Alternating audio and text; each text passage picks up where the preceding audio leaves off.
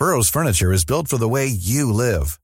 From ensuring easy assembly and disassembly to honoring highly requested new colors for their award-winning seating, they always have their customers in mind. Their modular seating is made out of durable materials to last and grow with you. And with Burrow, you always get fast, free shipping. Get up to 60% off during Burrow's Memorial Day sale at burrow.com slash ACAST. That's burrow.com slash ACAST. burrow.com slash ACAST. Hey, I'm Ryan Reynolds. Recently, I asked Mint Mobile's legal team if big wireless companies are allowed to raise prices due to inflation. They said yes. And then when I asked if raising prices technically violates those onerous two-year contracts, they said, what the f*** are you talking about, you insane Hollywood ass? F- So to recap, we're cutting the price of Mint Unlimited from $30 a month to just $15 a month. Give it a try at mintmobile.com slash switch. $45 upfront for three months plus taxes and fees. Promo for new customers for limited time. Unlimited more than 40 gigabytes per month. Slows. Full terms at mintmobile.com. Wow. Nice. Yeah. What you're hearing are the sounds of people everywhere putting on Bombas socks, underwear, and t-shirts made from absurdly soft materials that feel like plush clouds. Yeah, that plush. And the best part? For every item you purchase, Bombas donates another to someone facing homelessness. Bombas. Big comfort for everyone. Go to bombas.com slash ACAST and use code ACAST for 20% off your first purchase. That's bombas.com slash ACAST. Code ACAST.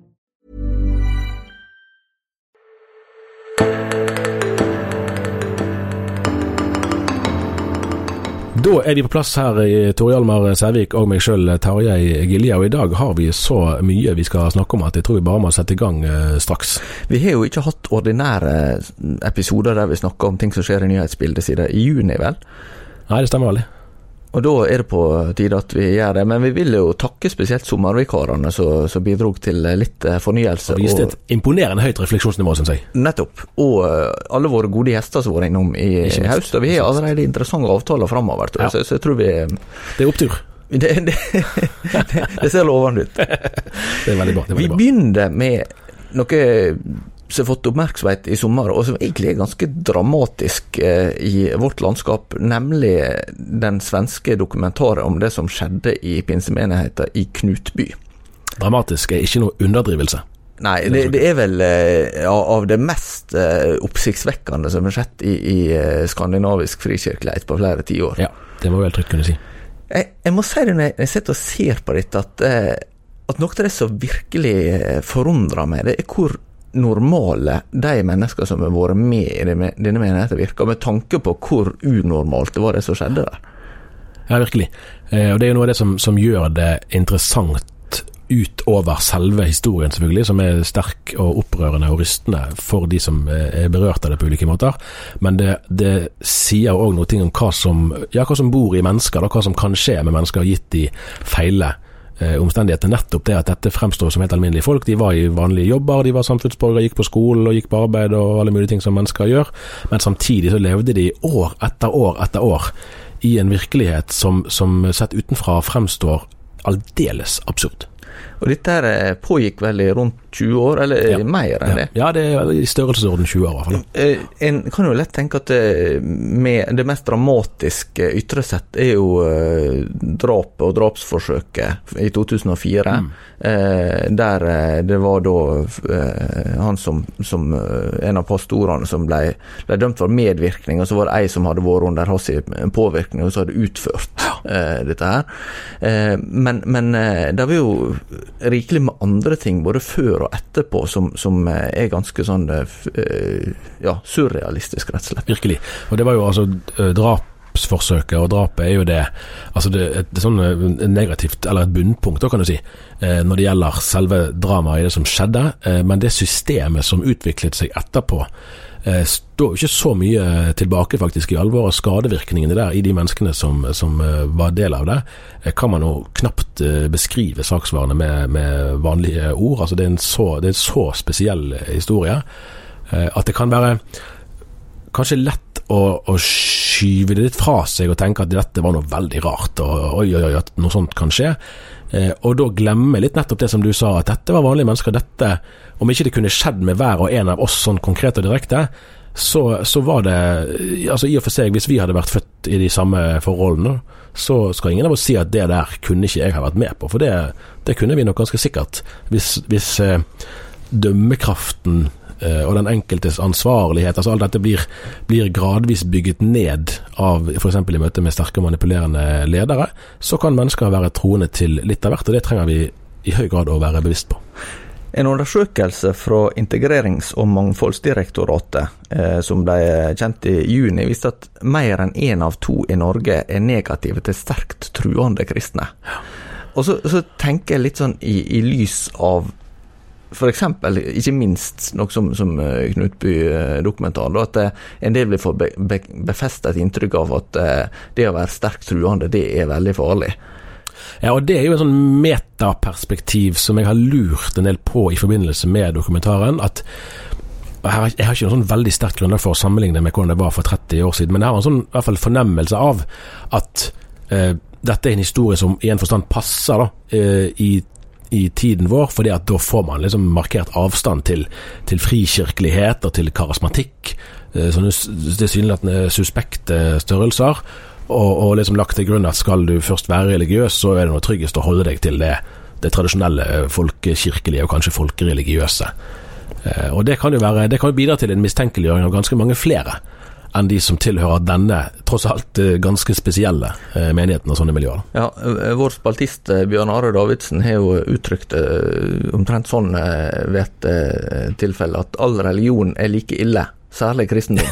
eh, da med et kristent utgangspunkt, men, men opplevelse at det, det lever ganske mange fordommer ja. eh, i befolkninga om kristne, hvordan kristne tenker, og hvordan kristne lever. og hvordan, ja.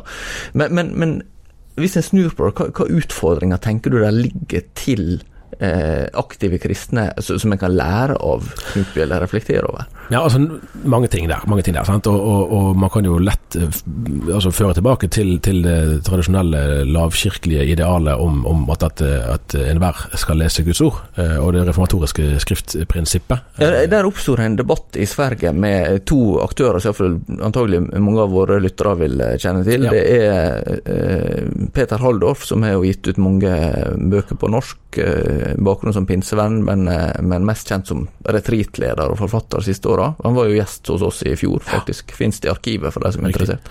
Eh, og så var det Stefan Gustafsson, som jobba eh, ved NLA Mediehøgskolen Gimlekollen i Kristiansand, blant annet, men er jo ikke minst kjent som apologet eller trosforsvarer. Mm. Og det var nettopp det med bibelbruk eh, et, et, et eh, diskusjonstema. Riktig, for Haldorf gikk i rette med det som han kalte for et fundamentalistisk bibelsyn i Knutby, mente at det var det som var roten til problemet.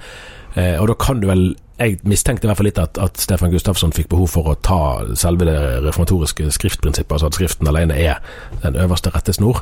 At det var det eh, Halldorf utfordret, og Gustafsson mente da at det var ikke, det var ikke bibelsynet som var kjernen til problemet, det var at ledere gjorde sine egne ord til Guds ord, og på den måten liksom legitimerte sine ugjerninger med, med Guds eh, autoritet. Eh, ja, Der kan man jo diskutere frem og tilbake hvem av de som har mest rett. Jeg synes egentlig debatten ble altså, naturlig tatt videre på et vis da, når, når Joel Haldorf, sønnen til Peter eh, Joel er kirkehistoriker og lederskribent i Svenskedagen. Eh, sier på slutten av dokumentaren at det man gjorde i Knutby var at man tok noen, noen byggesteiner eller noen ingredienser fra, fra vekkelseskristendom eller fra pinsekristendom og satte de sammen på nytt. Og ut fra det klarte man å bygge dette monsteret som, eh, som Knutby Fidelfia etter hvert utviklet seg til å bli. Eh, og det er ikke det samme som, som å mistenkeliggjøre pinsekristendom som sådan. Eh, for det kan jo, altså en, en tyrann kan jo, og må jo nesten, hente noen ingredienser fra en fortelling som, som, skaper en viss forståelse i befolkningen. Eller så vil han ikke kunne få noen posisjon, for det vil jo bare blitt sett på som, som, som galskap eller som ondskap. Eh, men så er det noe som er blitt kraftig forvridd. Eh, men da spørs det jo hvor dypt strekker viljen seg til å erkjenne at den sårbarheten finnes der. Jeg syns at der er det et ganske illustrerende øyeblikk i den svenske dokumentaren der de snakka med en av medpastorene i, i eh, Knutby, som også gikk til det skritt å anmelde seg sjøl og to andre eh, i den siste rettssaka som, som ble om, om det som har foregått i menigheten der. Og, og da beskriver han eh, det øyeblikket der han skal møte hun som hadde fått status som Kristi brud. Mm. Så, så det, var, det oppstått ei, ei overbevisning, eller iallfall en, en tanke om at hun var utvalgt, altså Kristi brud ikke er den kristne menighet som er det vanlige å tenke, slik en skal, skal lese det ut av, av Bibelen, men at hun personlig skulle være ei, ei brud for Jesus Kristus. Eh, og, og den usikkerheten som altså han setter ord på i møte med det, men så bare velger han å innordne seg fordi han er redd for, for å bli eh, vist vekk fra fellesskapet, for det han opplevde der er så fantastisk. Og herfra, altså, og det, det, det er jo en, en, god illustrasjon på, på uh, hvordan han Det er noe i han som forstår at her er det noe som ikke stemmer, men så er det samtidig òg andre krefter som liksom får han til å legge lokk på sine spørsmål og sin skepsis. Eh, og så ser vi etter hvert hva det, hva det fører til. Og her går det, tro det eller ei, da, her går det en ganske uvanlig bro eh, over til vårt eh, neste tema. På NLA-høgskolen gir vi deg utdanning med mening. Og samfunnet trenger både sannhetssøkende journalister, kloke pedagoger, etisk bevisste økonomer og musikere som berører. Sjekk ut NLA-høgskolens studietilbud på nla.no, eller besøk et av våre studiesteder i Bergen, Kristiansand eller Oslo. Og da skal vi hjem igjen. Da skal vi hjem igjen. Det er jo som kjent ikke så langt for, oss å gå hjem igjen. Og, og, og eh, ofte ser det jo lettere å relatere til ting som er sett utfordrende. Altså Det at det oppstår sekter, er jo ikke noe, noe, nytt, men vi forbinder det gjerne med altså at det, er Japan, eller at det er i eh, USA, eller, eller i, i en måte langt vekk fra oss. da. Men, men når det kommer nærmere på, så, så blir jo kanskje også det mer nærliggende for flere å tenke ok, selv om det er store forskjeller her, hva kan vi lære? Og, og, og der eh, ble det trukket noen linjer i et debattinnlegg denne, denne veka som eh, ja, vel, vel kanskje kan, kan, eh, være litt overraskende for en del. I gårsdagens avis, altså onsdag, så var, var forsideoppslaget var basert på en kronikk av Endre Stene. Han, han har vært, hatt mange forskjellige roller i Norsk Luthersk Misjonssamband. Han har vært forsamlingsleder, vært ungdomsleder, vært regionleder. Han har òg vært leder og nestleder to ganger i valgkomiteen til generalforsamlingen, som er på det, kanskje noe av det høyeste det går an å få av prestisjefulle verv i en, i en organisasjon. Eh, så han er på en måte ikke en hvem som helst i sammenhengen. Han er òg styremedlem i dagen, så formelt sett har han et arbeidsgiveransvar for oss, bare sånn at det òg er, brakt på det rene. Men han, han, trekker faktisk en linje fra Knutby til, til Norsk Luthersk Misjonsforbund, og den var det kanskje ikke så mange som så komme. Eh, han mener ikke å sammenligne miljøene, og det er jo åpenbart at forskjellene er veldig mange og store, og, og hendelsene er helt opplagt eh, veldig forskjellige.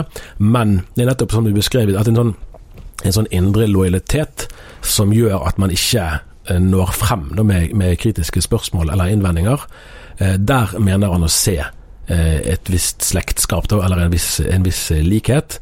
Eh, og det, det, er ganske drøy kost, eh, må det være lov å si. Hvordan blir dette mottatt? Altså, det, det var jo også fulgt opp redaksjonelt.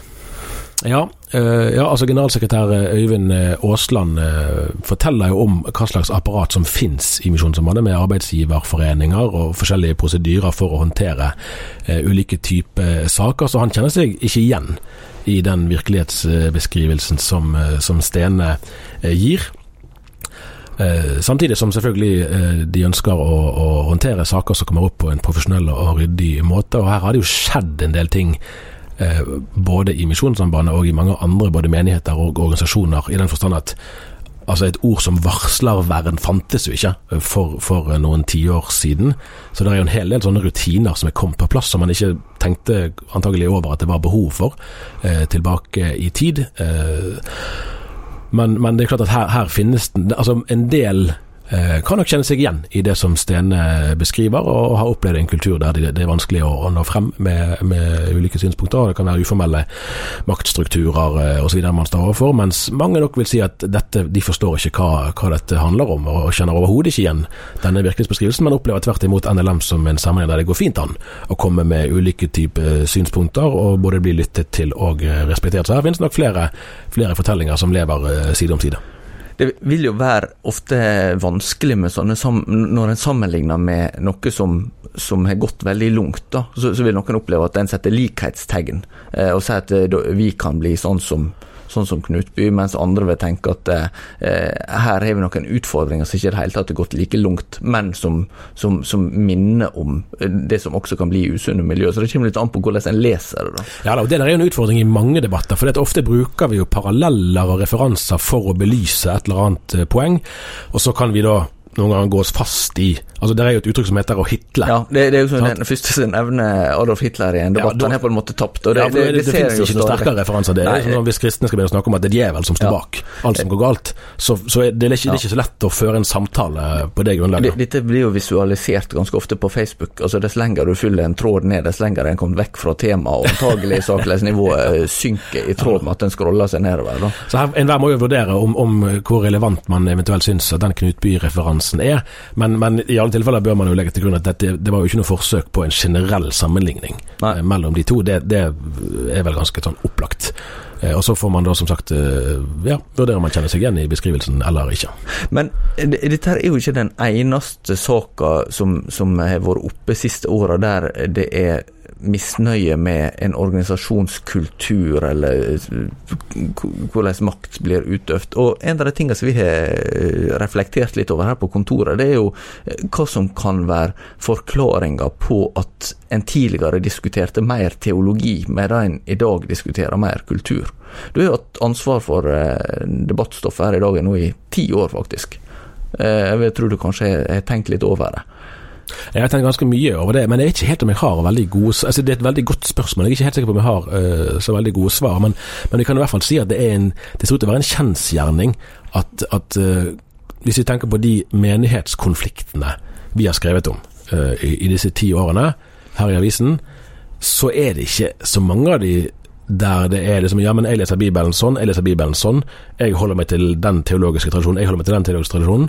Eh, det er ikke det som har vært eh, stridens kjerne. Det har ofte vært, eh, vært i stor grad da, lederstil og utøvelse av lederskap, men det er gjerne kombinert med bruk av skriftsteder. Et, et eksempel som kommer frem flere ganger, som bl.a. Ble, ble brukt når det gjaldt Enevald Flåten i det som het Levende ord før, var jo liksom dette med eh, 'ikke rør Guds salvede'. Altså at et enkelt vers fra Det gamle testamentet blir brukt til, til liksom at man skal for alt i verden ikke kritisere eh, pastorene. Det hadde jo den konsekvensen at til og med at ektefeller ikke turde å snakke åpent med hverandre om uh, situasjonen i den menigheten de begge var med i, fordi at de da var redd for at de at de var ulydige mot Gud. Eh, klart at Med sånne mekanismer så, så, kan jo veldig mye skje før eh, det blir stoppet. sånn at der, der, er jo absolutt behov for å rydde opp i kulturer. Men det er jo samtidig altså Kultur, hva er egentlig det når det kommer til stykket? Ja, for, for det vil jo også være sånn at det vil variere fra bedrift til mm. bedrift, og familie til familie, for den del. Altså, eh, no, noe av det som, som er et en utfordring på et litt, litt, større nivå her. Det er jo rett og slett rolla som en skal ha som leder, og eh, et, et samfunn som er blitt mer autoritetskritisk. Eh, og, og, eh, og, der vi har fått individuelt flere rettigheter, og, som vi er takknemlige for, men, men som også altså, og nå, nå, snakker jeg generelt, altså jeg har ikke forutsetninger for å, å, å ta noen stilling i den, eh, de debattene som går her, men jeg tenker mer sånn på et overordna plan, da, så, så, så, er det jo Eh, det, der er noen mekanismer som, som, gjerne blir noen dynamikker som blir veldig utfordrende i kombinasjon. da. Det, det at vi har fått et større, et større bevissthet om, om, rettighetene til den enkelte, og eh, samtidig kanskje mindre eh, altså En mer kritisk holdning til autoriteter, eh, i kombinasjon kanskje med at en, en lever i et et samfunn der, eh, der rammevilkårene er, er trangere for å drive en del kristen virksomhet. Så det, er en del sånn eh, Det er jo et uttrykk om at når krybba blir tomme, så bites hestene. Ja, og det er, og det er mange sånne bakenforliggende mekanismer. Jeg, jeg, tror jo, dette kan ikke jeg vite, sant? men jeg tror jo òg at, at, det spiller inn litt i når jeg så hvor sterk den svenske pinsebevegelsen hadde behov for å distansere seg fra Knutby, så kan du i hvert fall tenke deg at her ligger sånn man, er, man har blitt stemplet som ja, uvanlig så lenge at man, vil, man har jobbet veldig iherdig for å komme seg ut av den liksom, suspekte grøften, og vil nesten for enhver pris ikke liksom, tvinges, uh, tvinges, tilbake.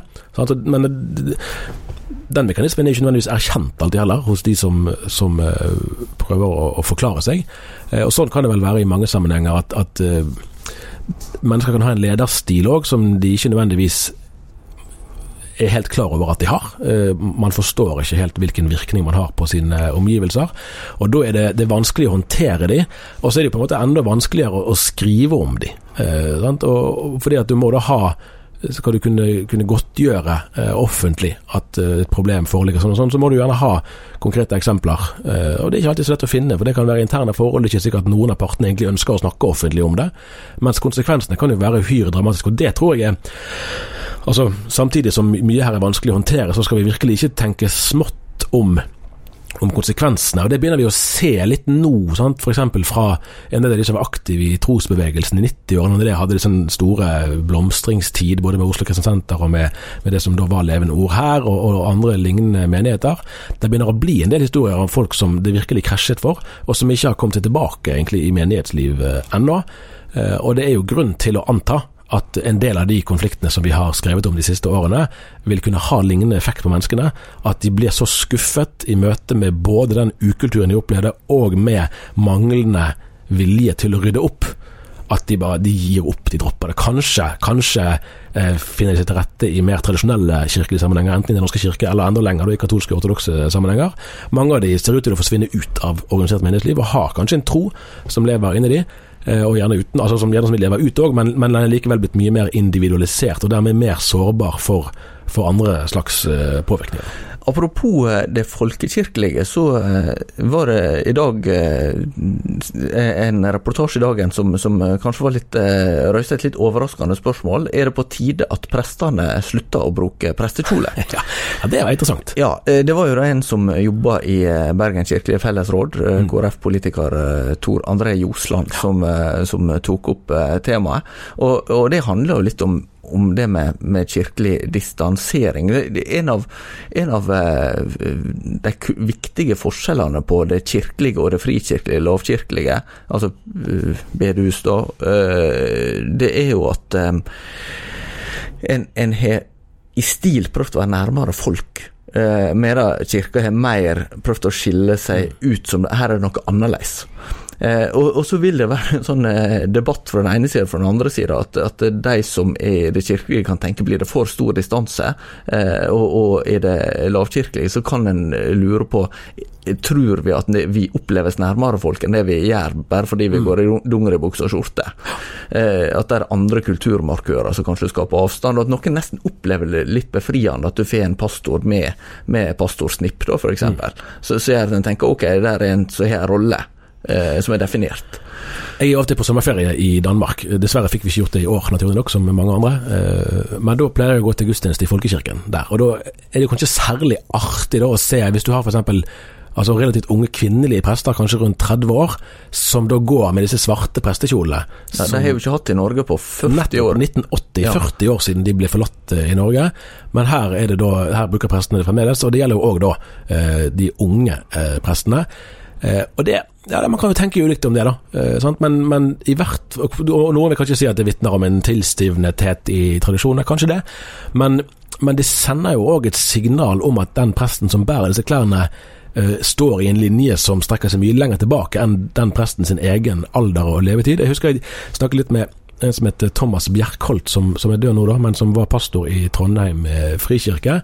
Og i Frikirken må de jo ikke gå med prestekjole. Nei. Det ligger litt i sakens natur på en måte at det er embetsforståelsen som, som er i Den norske kirke, ikke helt på samme måten der. Men der fortalte han at der var det ungdommene i menigheten som gjerne ville at pastoren skulle gå med, med prestekjole. For det var liksom et signal om at han, når han var i den rollen, så representerte han noe mer enn seg sjøl. Det var ikke bare hans tanker og meninger, men det var en, både en høytidelighet innenfor Gud i, i, i embetsutøvelsen, og et lengre linjer enn en den lokale menigheten der og da. Eh, så det er jo en det er jo et uttrykk for en åndelighet, det òg, som skiller seg veldig tydelig fra dette her veldig populærkulturelle med lys og lyd og høy musikk. Sant? Så Der man virkelig, som du sier, prøver å være nær folket ved å bruke det samme kulturelle språket. Så her var det altså ungdommen, det var ikke de gamle, men de, de unge, som ville at presten skulle være annerledes enn den kulturen de ellers levde Jeg vokste opp eh, på bedehuset og eh, ble vant med at det, det var jo ikke noe sånn offisiell eh, kle som skulle, skulle tilkjennegi at en, noen var predikant, men jeg tror det var relativt vanlig med skinnvest. ja. Og så må jeg forklare det, at det da heter Vestlandsk Indremisjonsforbund.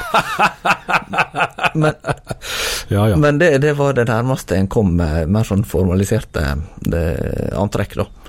Det, vi må en rask tur til Amerika. Denne uken her er det landsmøte i Det demokratiske partiet. Neste uke er det vel i, for republikanerne, ikke det? Stemmer det. Nå, I dag eller i natt, og dette er jo kjedelig, for de her sendingene går jo sånn mellom tre og fem om morgenen eller om natten, og norsk tid er det håpløst å, å, få det med seg direkte. Ja, men jeg tror når vi kommer litt lenger ut på høsten at vi, vi, blir nødt til å være oppe og få med ja. oss iallfall én debatt. Ja, jeg tror vi må det. jeg tror vi må det. Men nå i natt uh, gjorde jo Barack Obama noe sjeldent, egentlig, der han gikk ut og, og kritiserte sin etterfølger ganske sterkt. Det har jo han egentlig holdt seg unna. Ja. Eh, det, det, jo det, kan vi jo ikke si motsatt vei, da. Nei. Sånn. Nei, det har jo vært kutyme at avgåtte presidenter ikke ytrer seg så, så mye om, om etter, etterfølgerne.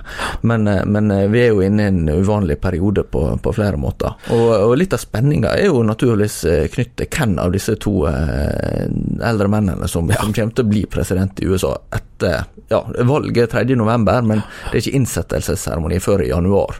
Sånn. Jeg så jo litt på en, jeg skriver en sak om det til avisen i morgen, jeg så litt på en panel panelsamtale her om dagen. Uh, en som heter, noe som heter Charisma Magazine, som har en redaktør, en utgiver som heter Steve uh, Strang, som hadde en panelsamtale der han snakket med fem uh, karismatiske pastorer om ja. hvordan covid-19-pandemien påvirker deres menighetsliv. Vi skyter inn her at han har altså gitt ut fire bøker om Gud og Donald Trump. Bare siden 2017. Eller 2016 var kanskje den første, jeg tror det var. ja. Så han er virkelig, dette er virkelig noe som han, han er opptatt av, og, han skriver om de to sammen fordi han mener det er en kobling, for å si det sånn.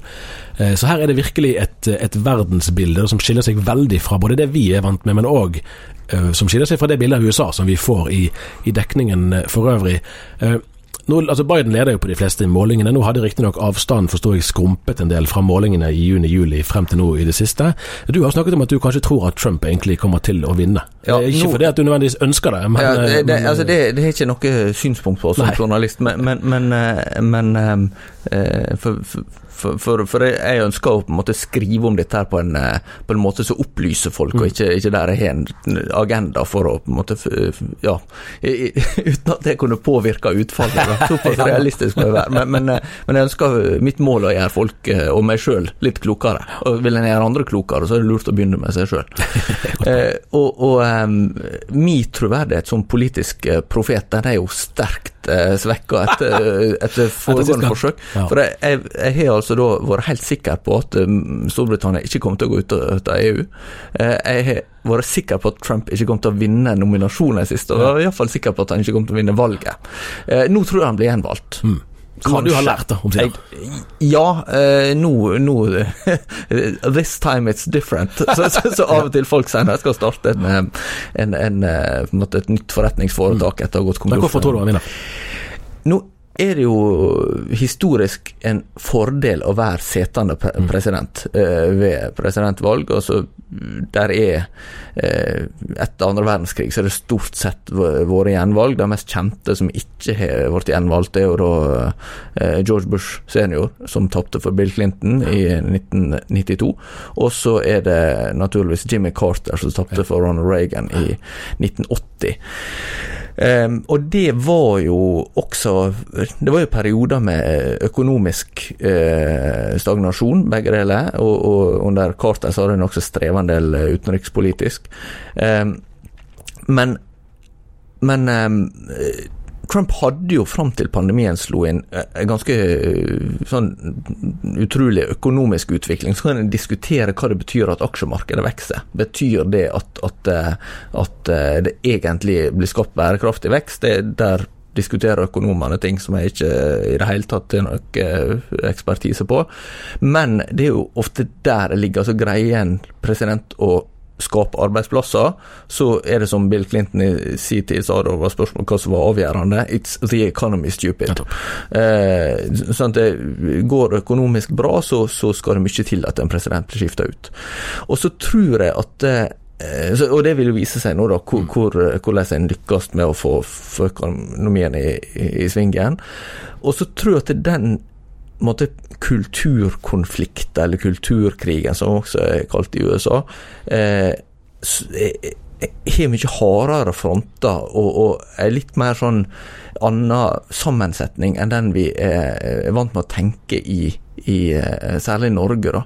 Der eh, vi, vi har jo vel vært inne på tidligere at jeg hadde en runde før valget sist med norske kristenledere og spurte eh, hvem en ville stemt på hvis en hadde, hadde eh, stemmerett ved det amerikanske presidentvalget, og bare to av 45 sa at de ville stemme på Trump. Kan du helt sikkert på at De fem som er i den samtalen der, hadde vært sjokkert hvis ja. de hadde fått høre at tilsynelatende konservative norske kristenledere i det hele tatt ville vurdere å, støtte Hillary Clinton. da. Ja, nå var det en god del av dem som ikke, så de ikke visste hva de ville gjort og sånn, men, men jeg tror, tror for um, Når, når en har det, det, utgangspunktet som mange eh, amerikanske evangelikale har, så, så, er det bare helt utenkelig. De stemmer jo stort sett 80 eh, av de, ja 70-80% iallfall, på den republikanske kandidaten uansett. Ja, og Det er jo en av nøkkelen for å forstå dette her, at, at mange altså Støtten til Trump har jo vært stabil egentlig gjennom hele perioden.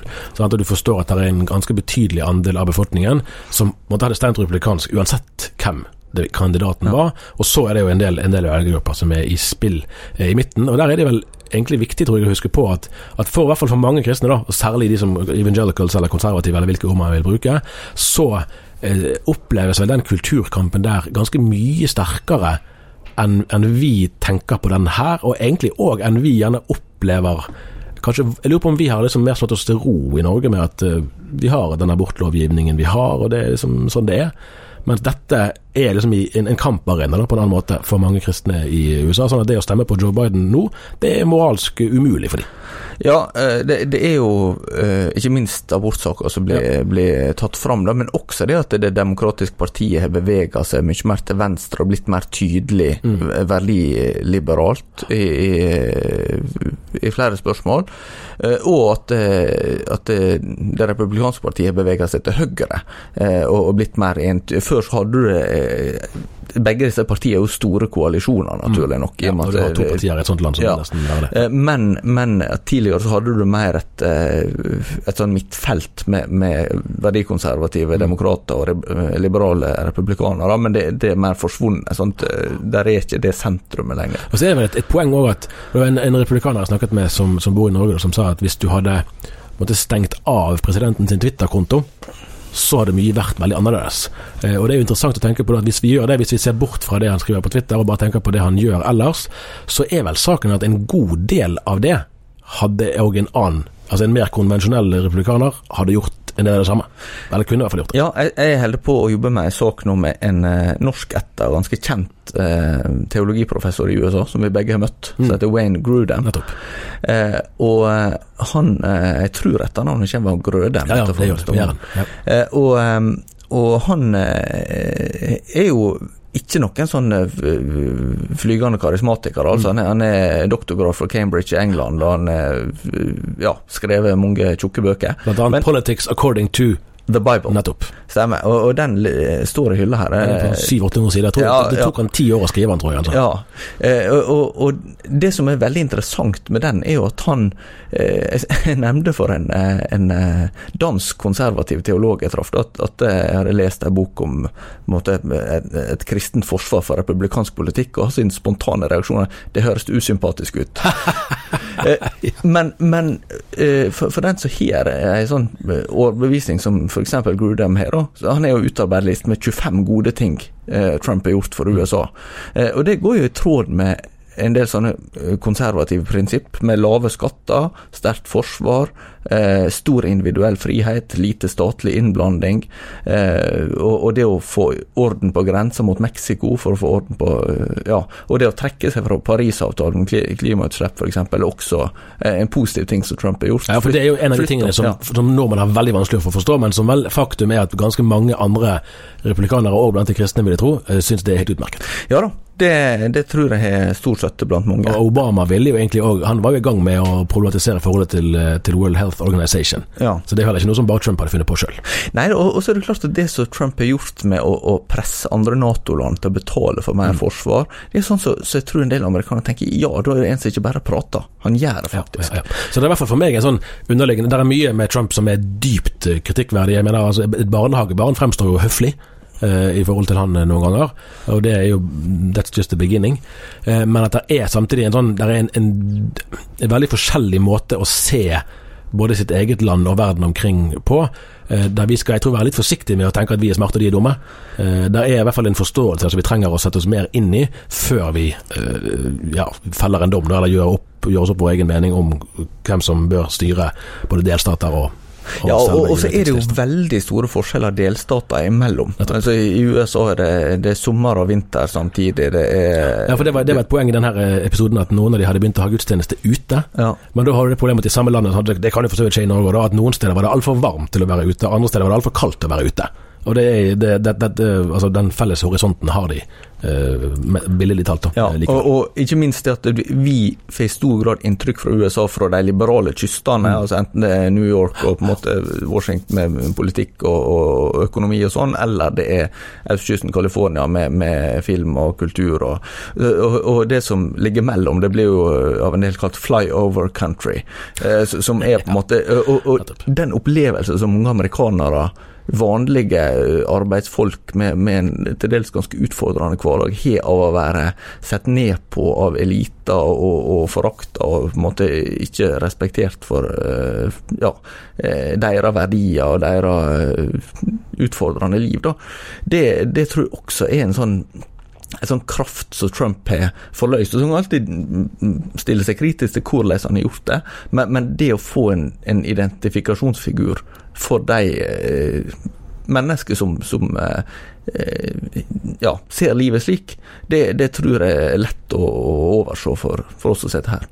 Det tror jeg er det vi rekker i denne omgang. Men dette kommer vi, kan... garantert tilbake til. Ja, jeg, jeg tar utgangspunkt i det. Ja, ja. ja vi, det er ennå en stund til valget, for å si det sånn. Ja. Ta gjerne kontakt med oss, og så er det flott hvis en gir oss en tilbakemelding i iTunes, eller syns en dette er noe å høre på, og gjerne dele det eller tipse andre. Og som du sier, der er alltid eh, flere abonnement igjen. Det er iallfall meldinga inntil videre. Ja. ja. Vi høres neste uke.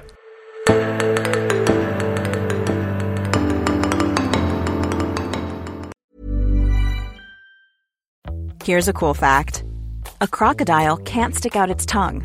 Another cool fact, you can get short-term health insurance for a month or just under a year in some states.